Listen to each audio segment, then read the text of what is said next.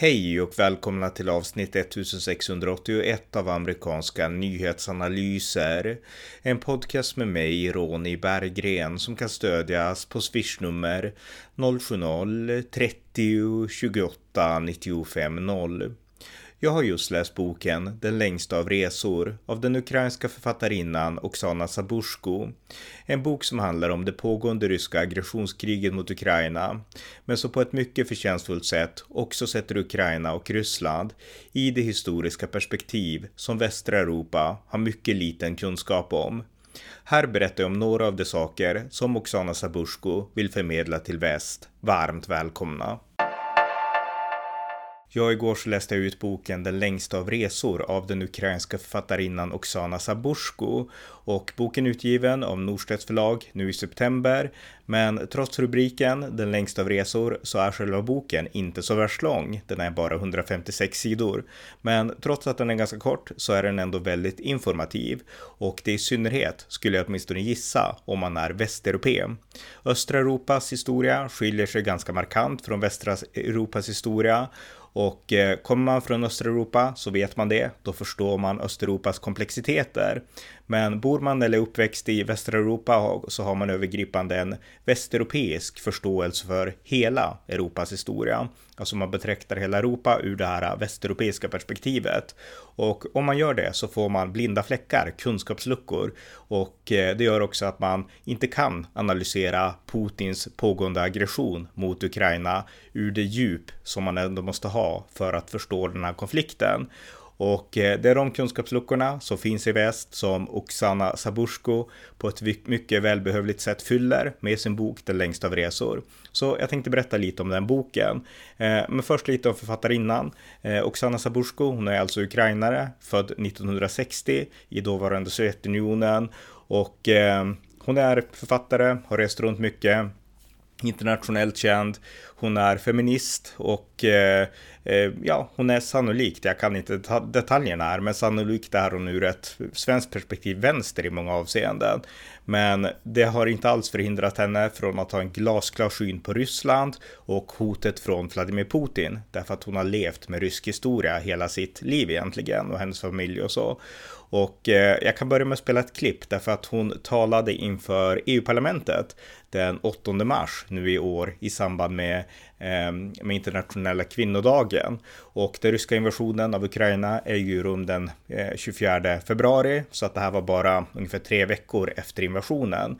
Och eh, Oksana Sabushko talade då inför EU-parlamentet och var glasklar med hennes syn på vad det här kriget innebar och hennes syn på Vladimir Putin. Lyssna på det här. Ukrainians are a strong nation. This appears to have surprised many in the West. Yet, were it not so, we would not have survived Stalin's genocide, the horrific man made famine of 1933, notably still unrecognized by most of the countries represented here. And we are a nation of strong women, too. Along with the rest of the world, I cannot but admire with tears in my eyes my fellow countrywomen now fighting right alongside our men. We are strong and grateful for your support and your admiration. The problem is Putin's bombs will not be stopped by the strength of our spirit. And babies born in bomb shelters die of sepsis caused with the dust raining down on, on them during attacks. Let me take the liberty of stressing this. Every moment of hesitation on the side of Western policymakers and NATO decision makers about whether to provide Ukraine with anti aircraft weapons not to speak of the no fly zone. Every coffee break you are taking during your discussions about how to interfere without provoking Putin to go further costs someone's life. Most likely, a civilian's, a woman's or a child's. Isn't it amazing, ladies and gentlemen, that no one outside of Ukraine maybe, took then his words seriously.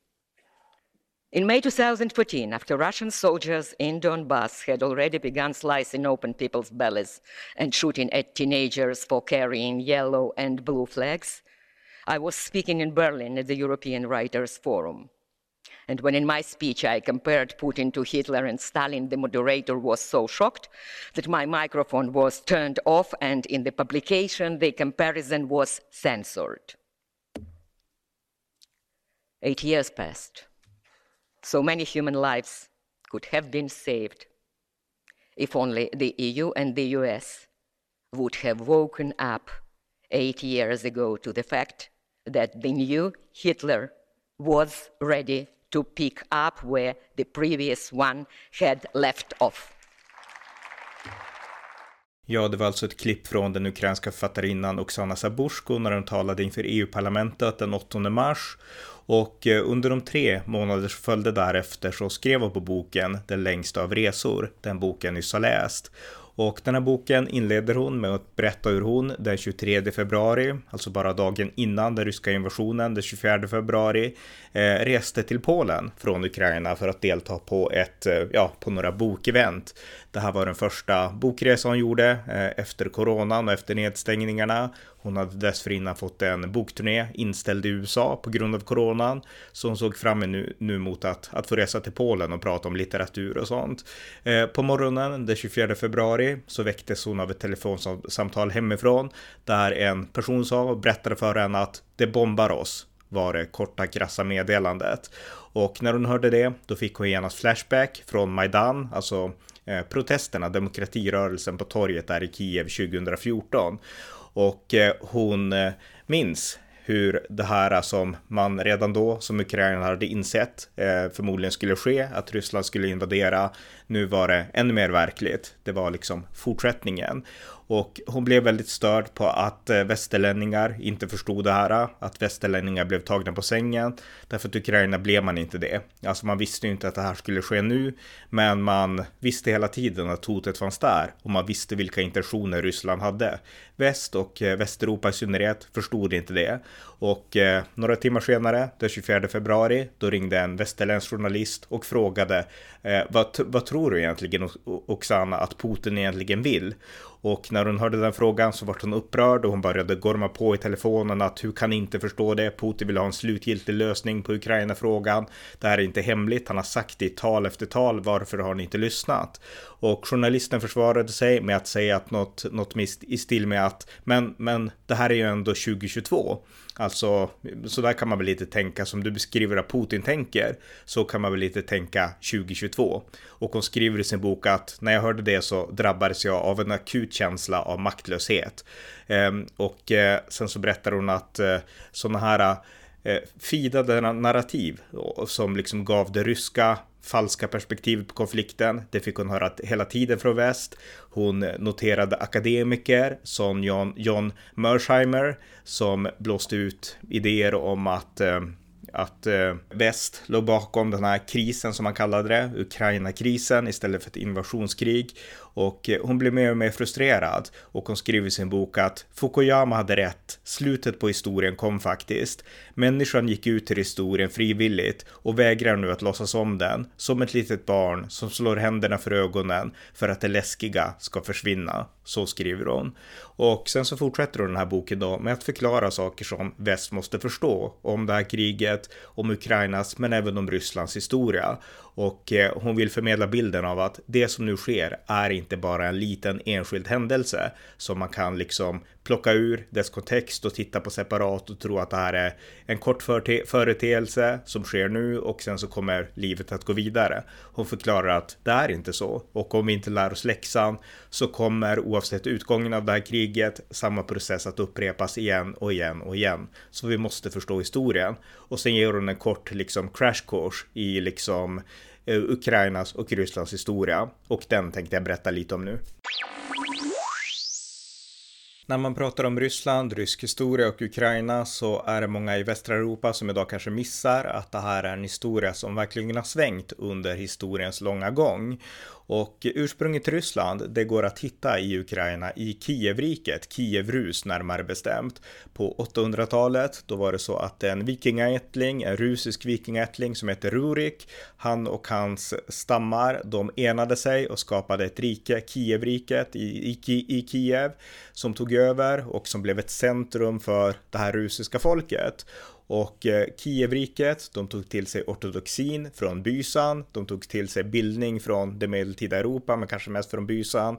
De skapade en medeltida modern konstitution och det blev en vagga för rysk civilisation, Kiev. Och eh, så var det under några hundra år, men på 1100-talet då började interna intriger göra så att Kievrus, det Kievriket, eh, splittrades lite grann internt och sen så kom den stora mongolinvasionen på 1200-talet. Mongolerna, eh, Genghis Khans generaler, de eh, erövrade ju från Asien stora delar av Mellanöstern, stora delar av Asien, Ryssland och delar av Europa. Och i samband med det så plundrades och brändes Kiev ner på, på 1200-talet. Och när så skedde så flyttades sakta men säkert eh, en del av den här ryska vaggan till Moskva längre norrut. Därför att Moskva låg så långt norrut att de kom till en början undan den här stora mongolinvasionen på ett helt annat sätt. Och uppe i norr så uppstod det ett, eh, sakta men säkert, ett furstedöme. Ett eh, rusiskt furstedöme som fick mer och mer makt. Och eh, med tiden så, så, så minskade eh, Kievs roll och eh, i samband med att med att Ottomanska riket tog över och krossade Bysan 1453 när Istanbul föll i, i turkarnas händer. Då, då förlorade ju den ortodoxa kyrkan också sitt center i Konstantinopel då. Eh, och eh, eh, vaggan för den ortodoxa kulturen, den flyttades då till Moskva. Så att Moskva tog sakta över Kiev som den ryska kulturen och den ryska vaggans stora centralpunkt kan man säga då. Men det tog lång tid och det urryska finns i Ukraina och det finns i Kiev och eh, i takt med att det uppstod då rivaliserande furstedömen inom den här rusiska civilisationen, ryska civilisationen, eh, då var det så att på 1600-talet så insåg härskarna i Kiev att vi måste bygga en allians med storfurstedömet i Ryssland och bygga en ortodox försvarsmur mot den nya växande stormakten som var protestantisk och den stormakten hette Sverige. Och eh, man fruktade Sverige och därför så ville man bygga någon slags union mellan tre olika ortodoxa länder med Moskva som den starka makten. Men samtidigt så insåg man att det här de här ryssarna i norr, de skiljer sig från Ukraina-ros. De är inte lika civiliserade. De har inte samma form av språkkunskaper, samma form av liksom direkt ortodox tradition.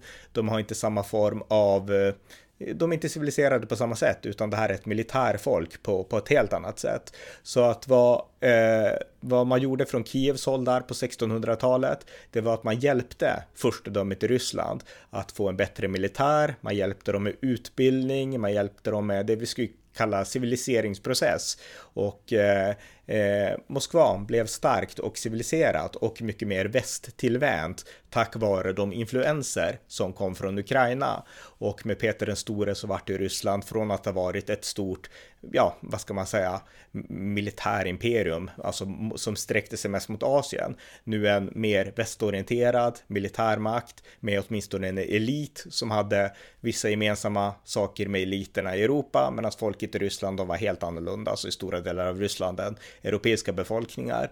Men eh, eliten i Moskva och Sankt Petersburg, de hade ändå mer och mer gemensamt nu med eliten i vanliga europeiska storstäder och det var mångt och mycket tack vare det ukrainska.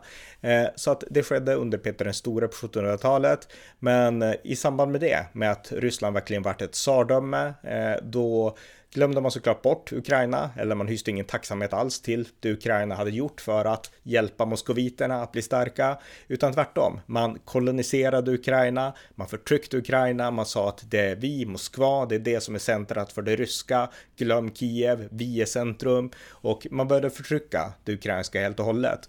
Och så blev det under väldigt lång tid och först på 1800-talet då började ukrainarna som dessförinnan hade varit betryckta av det här monstret som de själva hade hjälpt till att föda i Moskva. De blev eh, återigen lite grann upplysta tack vare den franska upplysningen, började intressera sig för det intellektuella och de insåg att historien är ju våran, vi vill ha frihet. Och eh, det gjorde i sin tur att eh, Moskva införde allt mer eh, repressaliska lagar mot Ukraina. 1863 så var det förbjudet att trycka böcker och tidningar på ukrainska. 1876 så utfärdade tsaren ett tsardekret som kriminaliserade det som kallades för ukrainiofili, alltså Ukraina-kärlek kriminaliserades. Så att ett 300-årigt förtryck av Ukraina och en önskan på något sätt att hålla Ukraina i det ryska greppet för att eh, ja, få historien att framstå som att det är Moskva, det är där som centret för allt det ryska är ungefär. Så att det var lite det som var Rysslands mål eh, under de här 300 åren. Det var ingen skillnad när Sovjetunionen styrde och när Putin sen tog över så applicerar ju han samma historiesyn. Alltså vi i väst, menar författaren, vi är lite blinda. Vi tror på något sätt att Putin, han, han drömmer om Sovjetunionen, men Putin drömmer om det historiska Ryssland. Det är därför han kan prata om en tusenårig rysk historia, trots att Moskva inte alls har en tusenårig historia av storhet, utan då måste man backa till Ukraina för att få de här tusen åren. Eh, och eh, det är det Putin gör. Så att han på något sätt, han vill på något sätt upprätthålla bilden av den här äh, ryska historien med Moskva som härskare och ändå knyta det till de här århundradena när Kievriket var, var det stora och var uppbäraren av rysk kultur och rysk civilisation. Men allt det vill Putin knyta till sig och till Moskva och han är inte den första som vill det utan 300 år har ryssarna hållit på så här mot Ukraina och äh, det är det här som vi i västra Europa inte begriper och äh, det är avsaknaden av det här historieperspektivet som gör att journalister kan utbrista i saker som men så, så här kan man ju inte göra 2022 när, när man då tänker på den ryska invasionen. Men man kan göra så här och Putin gör så här därför att han har hela det här helhetstänkandet om det han då menar är den ryska ja, Moskva-historien. Eh, och eh, om man då vill hålla den historieskrivningen enad, alltså att Ryssland föddes för tusen år sedan och att det är Moskva som är centrum, då måste man hålla det samman med Ukraina och då kan Ukraina inte tillåtas brytas ur. Och det är därför Putin alltid pratar om att Ukraina och Ryssland, vi är ett folk, för han har den här stora metaberättelsen om historien och det är den han till varje pris vill upprätthålla. Och eh, om vi inte förstår det här, eh, då då blir det lätt att vi tolkar det här äh, som att det bara sker i ett vakuum, att det är någonting, vilken besynnerlig typ. Men har vi det här historieperspektivet, då förstår vi den, den logik efter vilken Putin opererar och det är den vi måste förstå, menar författaren. Och jag tycker att det här perspektivet som eh, Oksana Sabursko framför, att det, det, är väldigt intressant, för, för jag kände inte till det på det här sättet. Så att det är någonting som vi behöver veta. Sen går hon också vidare och förklarar Sovjethistorien och eh, lite mer specifikt hur Putin har opererat och även hur Ryssland har opererat de senaste 30 åren sedan kommunismens fall. Och det ska jag berätta lite om nu. Ja, det var lite om Oksana Sabushkos eh, beskrivning av Rysslands 300-åriga förtryck av Ukraina och eh, hon går sedan vidare och förklarar att de här idéerna som Putin har, eh, det tar sitt ursprung i att Putin har samma gemensamma fiende som väst hade, nämligen kommunismen. Väst tror på något sätt att i samband med att man vann kalla kriget så var det det ryska imperiet man besegrade. Men faktum var att det var kommunismen som föll och eh, män som Putin, de, precis som väst, trodde inte på kommunismen. Det hade Putin gemensamt med väst. Väst trodde inte på kommunismen därför att man var en ideologisk fiende till kommunismen kommunismen. Putin trodde inte på kommunismen därför att han hade sett inifrån att kommunismen inte fungerande, utan han trodde inte på kommunismen heller, utan det var bara ett bagage som Putin och många män med honom var lättade över att man äntligen kunde avlägsna från det stora mäktiga ryska så att det ryska imperiet återigen kunde liksom ta plats och utbreda sig utan det här kommunistiska bagaget. Och det är det som väst inte har förstått om, om Ryssland, utan man har gjort Ryssland och Rysslands imperieambitioner synonyma med kommunismen och man har tolkat att det besvärliga med rysk historia det är kommunismen. Men faktum är att det besvärliga i rysk historia det är den uråldriga ryska imperialismen som härrör ända tillbaka från de ryska steppmarkerna ungefär och det storryska furstedömet. Det har det moderna mest missat utan vi har bara tolkat Ryssland och dess, om vi nu säger tusenåriga historia utifrån det här lilla kommunistprismat. Och det gör inte Vladimir Putin, utan han ser det här mycket större. Och eh, det är det som väst inte har förstått, men som sådana länder som Ukraina har fått uppleva gång på gång. För efter murens fall var det så att Sovjetunionen upplöstes och eh, länderna, de här eh, områdena, folken som hade dominerat och varit satellitstater under ryskt eh, herravälde, de vart ju fria när Sovjetunionen upplöstes. Det gällde även Ukraina som 1990 gick igenom det som kallades granitrevolutionen och eh, det innebar att deras eh, ledaren för det ukrainska kommunistpartiet, Leonid Kravchuk, han beslöt att inte teckna något nytt unionsavtal med Moskva och det innebar att eh, att eh, Ukraina blev fritt och de blev ingen lydstat till Ryssland på det sätt som till exempel Vitryssland blev, utan man blev fria. Men det här var ju någonting som Putin var emot i grund och botten, för Putin drömde redan då om det här storryska riket och där var Ukraina en central del, för, därför att Ukraina och Ryssland var ett, precis som jag nyss har förklarat, att det är det som är Putins tusenåriga historiesyn med Ukraina och Ryssland som en odelbar enhet.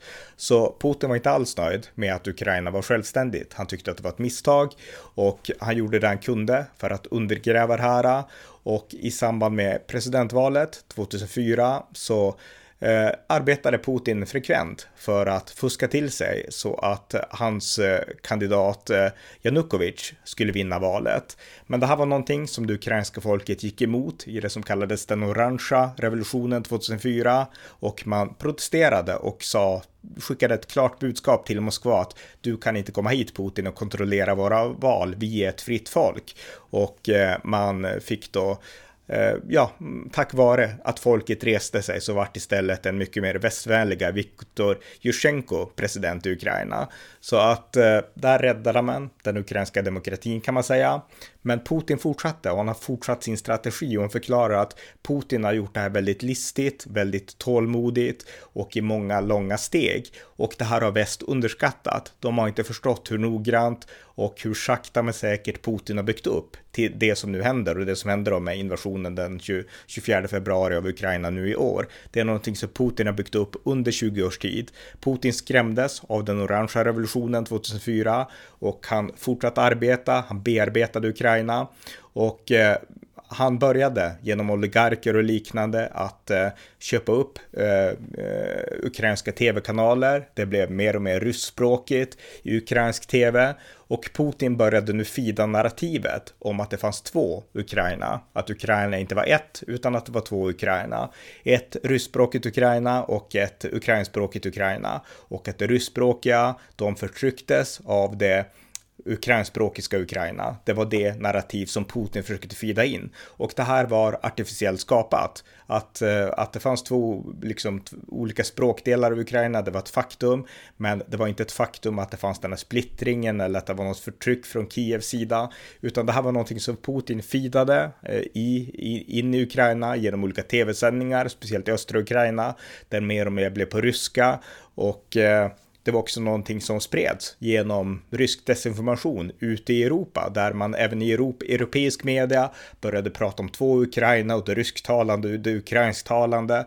Och hon berättar, eh, Subursko, att när hon var ute och föreläste om Ukraina, alltså ute i internationella sammanhang, då ville man i, ofta ibland till och med ha två olika ukrainare, en ukrainsktalande och en rysktalande för att ge diversitet och jämlikhet till de här båda sidorna, som om att det var två olika sidor. Och eh, det var nästan komiskt, för då fattade inte att en person som kom från Kiev kunde kunna ryska och en person som kom från de delarna kunde också kunna ukrainska i viss mån. Så att de vart helt, ibland vart de förvirrade i västra Europa när hon skulle ut och föreläsa eller någon annan ukrainsk författare.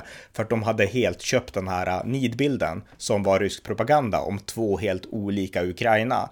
Och det kanske var mer sant historiskt förklarar hon, men i modern tid så har det här suddats ut. Utan Ukraina har ju gång på gång liksom gjort allt för att värna sin egen nation mot rysk överhet. Man har gjort det med, alltså när Ryssarna under Holdomor på 30-talet försökte svälta ut hela Ukraina, så Ukraina har svetsats samman till ett land under lång, lång tid. Och eh, det är det som Putin ignorerar för att han bryr sig bara om sin stora metaberättelse om Storryssland och det är det som Europa i sin okunnighet inte förstår, förklarar hon. Så att eh, det här var någonting som Putin firade in, att det fanns två Ryssland och att det ryska, eller två Ukraina och att det ryska Ukraina förtrycktes av det västra Ukraina och eh, sen så framställde man sig mer och mer som en befriare. Hon berättar om hur det kom in, det som då Putin betecknade som en legitim eh, ukrainskt uppror mot tyrannerna i Kiev. Det var i själva verket ryssar som kom in från Ryssland som infiltrerade och det här kunde man se därför att man träffade de här i vägkontroller och då kunde de berätta att de, vi kommer från den och den byn i Ukraina för att på något sätt påvisa att de var ukrainare minsann som pratade ryska. Och hon förklarar att när det gäller den ryska dialekten så den är väldigt, som utomstående så hör man ingen skillnad på en ryss och en ukrainryss. Det finns skillnader, ryssarna kan höra den skillnaden och ukrainryssarna hör den skillnaden. Men utomstående hör inte den skillnaden.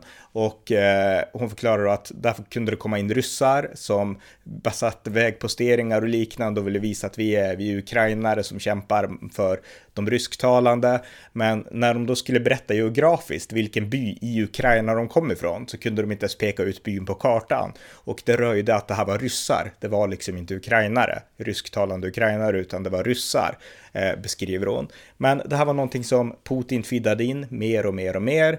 Och väst var helt blinda för det här. Väst förstod inte vad som försiggick. Och eh, i samband då med eh, Majdan-revolutionen eh, 2014 när återigen ryska infiltration försökte stoppa demokratin eh, i, i, i Ukraina. Då eh, då insåg väst kanske lite mer vad som försiggick, men ändå inte till fullo. Och i samband med att Ryssland annekterade Krim och tog över det och det uppstod det här lågintensiva och ganska heta kriget i östra Ukraina om de här områdena, då förstod väst inte heller att det här är en operation som Putin genomdriver sakta men säkert för att steg för steg kunna liksom göra anspråk, territoriella anspråk på östra Ukraina. Han gör det sakta och han gör det lågintensivt bara för att väst på något sätt ska lullas in att det här är inte ett krig eller, eller en total invasion utan det är ett, eh, ja, det kanske är den där konflikten som finns mellan rysktalande ukrainare och eh,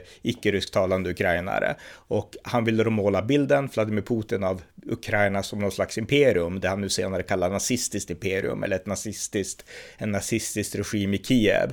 Och eh, väst var inte tillräckligt kunniga för att se igenom det han gjorde. Men alla i Ukraina, de såg tydligt och klart vad som försiggick och vad Putin gjorde. Och det var mängder av ukrainare som tog värvning för att bekämpa mot ryssarna, inte mot ukrainarna, men mot ryssarna som hade infiltrerat östra Ukraina. Och de har gjort det i åtta år och för dem så är kriget den 23 februari, det är inte ett nytt krig, utan det är bara den andra fasen i det krig som inleddes redan 2014. Så att det är det här som västra Europa inte förstår, utan de har det här lilla perspektivet. Oj, hur kan någon göra så här 2022? Och de har inte det här 300-åriga perspektivet av ryskt förtryck av Ukraina och de har inte ens det 30-åriga perspektivet av rysk dröm om att på något sätt återta eh, Ukraina till den ryska intressesfären och det som Putin är den som har implementerat och på riktigt. Det, det perspektivet har man inte heller. Så att väst har helt och hållet underskattat Putin och underskattat hans ambitioner och de har inte inte kunnat se igenom den taktik han har haft och den taktik han har använt. Och det här är någonting som väst verkligen måste förstå. Därför att det är det som är grunden till vad, vad Putin gör idag i, i Ukraina. Så att det här är några av de sakerna i den här boken som jag tyckte var otroligt intressant. Som sagt, boken är bara 156 sidor lång och det innebär att det är ju bara en koncis historia hon tecknar. Det finns ju mängder av böcker som är mycket djupare som går in på allt det här i mycket mer detalj. Så att hon tecknar bara en övergripande bild. Men jag som västeuropé och svensk, jag kände att det var precis det jag behövde. För det är de här sakerna man så lätt missar. Och man blir så lätt borttrollad. Jag minns när kriget bröt ut i början, då var det ju mycket, eh, mycket prat om eh, just det här med att ryssarna hävdar att Ukraina är nazistiskt och det fanns ju även folk i Sverige, jag följde i sociala medier som gick på det här, Ja, men tänk om det är så, Azov-regementet och så vidare. Och så började man gräva ner sig i det och det. Och man såg på Oliver Stones, den här dokumentärfilmen hade, hade gjort som är helt och hållet det ryska, liksom ryska spinnet på historieskrivning där man då blandar komplexiteten i andra världskriget för att få till det hela som att Ukraina är en naziregim. Och inget kunde vara mer från sanningen, utan det är precis som Oksana Sabushko sa, den som är lik Hitler här och Stalin också, det är Vladimir Putin. Det är ingen annan, utan det är Vladimir Putin som alla likheter eh, alla likheter med Hitler och som nu försöker utrota, utrota, utplåna Ukraina och som har en propagandamaskin som är jämförbar med Goebbels och eh, som också har lyckats övertyga mängder av liksom västerländska akademiker, västerländska ja, människor som bara följer flödet i sociala medier och liknande. Och hon varnar för det och tycker att det här är extremt farligt. Och när hon såg de här reaktionerna, alltså de här ja, okunniga reaktionerna på den ryska invasionen i västeuropeisk media, då kände hon att hon ville reagera och beskriva det hon har skrivit om i den här boken. Så att jag rekommenderar verkligen den här boken, Den långa resan. Den är läsvärd och eh, hon förklarar att eh, Väst måste, väst måste komma till insikt. Väst måste förstå att Ryssland är inte en vanlig nation, utan de har, det är en historielös nation. Det är en nation utan historia, där Moskva-eliten styr som de vill, Putin och hans eh, anhang eh, och Putin personligen som nu i princip är en diktator såklart. Men Ryssland har inte den enhetliga historien som nationer har och som till exempel Ukraina har trots alla historiens komplexiteter. Ryssland har inte det. Eh, och om väst bara som till exempel engagerar sig så mycket i klimatfrågan, eh, om de bara ska ägna Ryssland lite mer uppmärksamhet så kan de titta på att det brinner liksom områden, skogsbränder i Ryssland som är lika stora som Belgien i geografisk yta kan brinna. Och de i Moskva bryr sig inte, därför att man bryr sig inte om det minsta, det som händer ute i regionerna. Man struntar i det, utan det man vill bygga upp det är sin starka, ja, sina starka militära ambitioner och den centrala makten. Man vill inte bygga upp det för den gemene ryssen. Och det är samma fenomen som ligger bakom att man kan åka och hämta mängder av soldater till köttkvarnarna i Ukraina som man nu ska kasta in i kriget. Kan man hämta utifrån östra eh, Asien och från syd Ryssland och liknande. Man hämtar dem inte från Moskva utan man hämtar dem från det här maskineriet. Ryssland är inte en nation och det är det som väst inte riktigt förstår. De begriper inte vad Ryssland är. De begriper inte hur Ryssland är uppbyggt, men Ukraina så gör man det. Och hon förklarar också att Ukraina är inte rädda för Ryssland. Det är också rätt intressant. Vi är såklart rädda för bomber, vi skriker, vi får panik och vi blir rädda när, när liksom ryssarna beskjuter oss. Men Ryssland som sådant, vi vet vad det är för land. Det här är ett land som är korrupt och det är ett land som alltid genom hela historien har styrts av den här starka staten och det är därför Putin aldrig kan tro på något annat än att det behövs en stark stat som ska styra allt. Därför att om man släpper tyglarna, då börjar ryssarna supa, de börjar råna varandra och de gör massa dumheter. Därför att de har inte den här naturliga gemenskapen som finns i fungerande nationer. Det har man inte i Ryssland. Och det är det som gör att Ryssland skrävlar på så mycket, man hotar med kärnvapen och man pratar, men när det verkligen gäller så är man ganska svaga. Och hon berättar om sin mormor under andra världskriget som eh, upplevde då både ja, Sovjetunionen och nazismen. Och hon förklarade att Stalin var fruktansvärd, men ryssarna söp väldigt mycket och man kunde muta dem, ungefär berättade hennes mormor. Nazisterna hade ett extremt effektivt dödsmaskineri. Tyskarna kunde man inte göra så med, utan då, de förde in den och sen så dog man. Men ryssarna kunde man muta, man kunde ge dem en vodka och sådana saker, för det var ett helt annat form av folk, ett helt annan form av mentalitet som behöver direktiv uppifrån och, och sådana saker. Och eh, det var det som, som, eh, det är fortfarande så i Ryssland. Och det är det som, som väst inte riktigt förstår.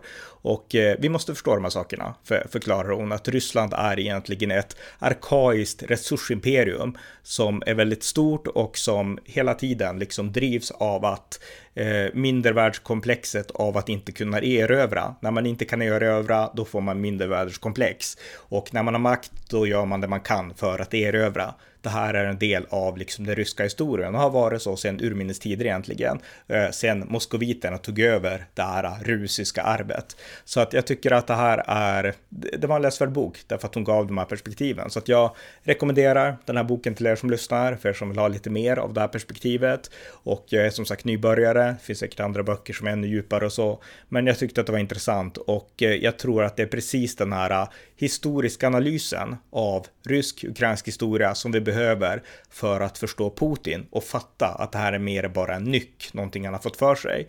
Och risken finns att även om Putin dör så kan det ju säkert komma någon annan som har samma föreställningar som Putin och därför kan drömma om att göra samma sak igen. Och vill vi i väst på något sätt bygga ett beskydd för Ukraina så måste vi förstå de här sakerna.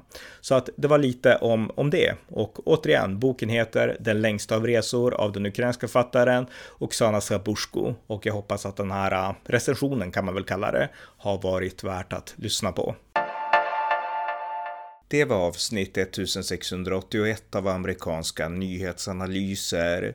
En podcast som kan stödjas på swishnummer 070-30 28 95 0 eller via hemsidan på Paypal, Patreon eller bankkonto. Skänk också gärna slant till valfri Ukraina-hjälp. Tack för att ni har lyssnat.